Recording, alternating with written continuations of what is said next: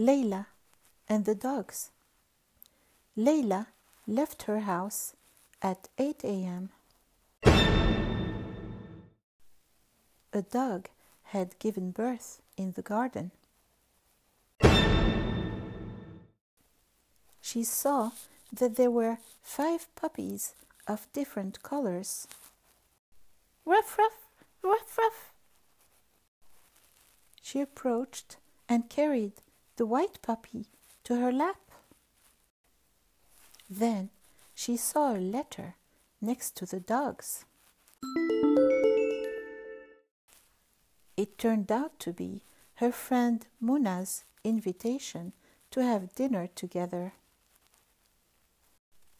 Layla carried the dogs and brought them into her house because it was very cold.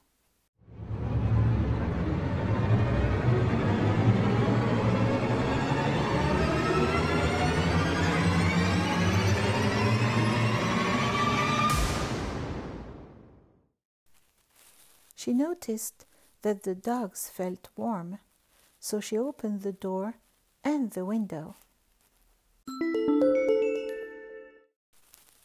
Layla talked to her friend about the dog and her puppies and decided to go to the theater. But Layla was hesitant, so she decided to go home to check on the dogs. Yay! Yay!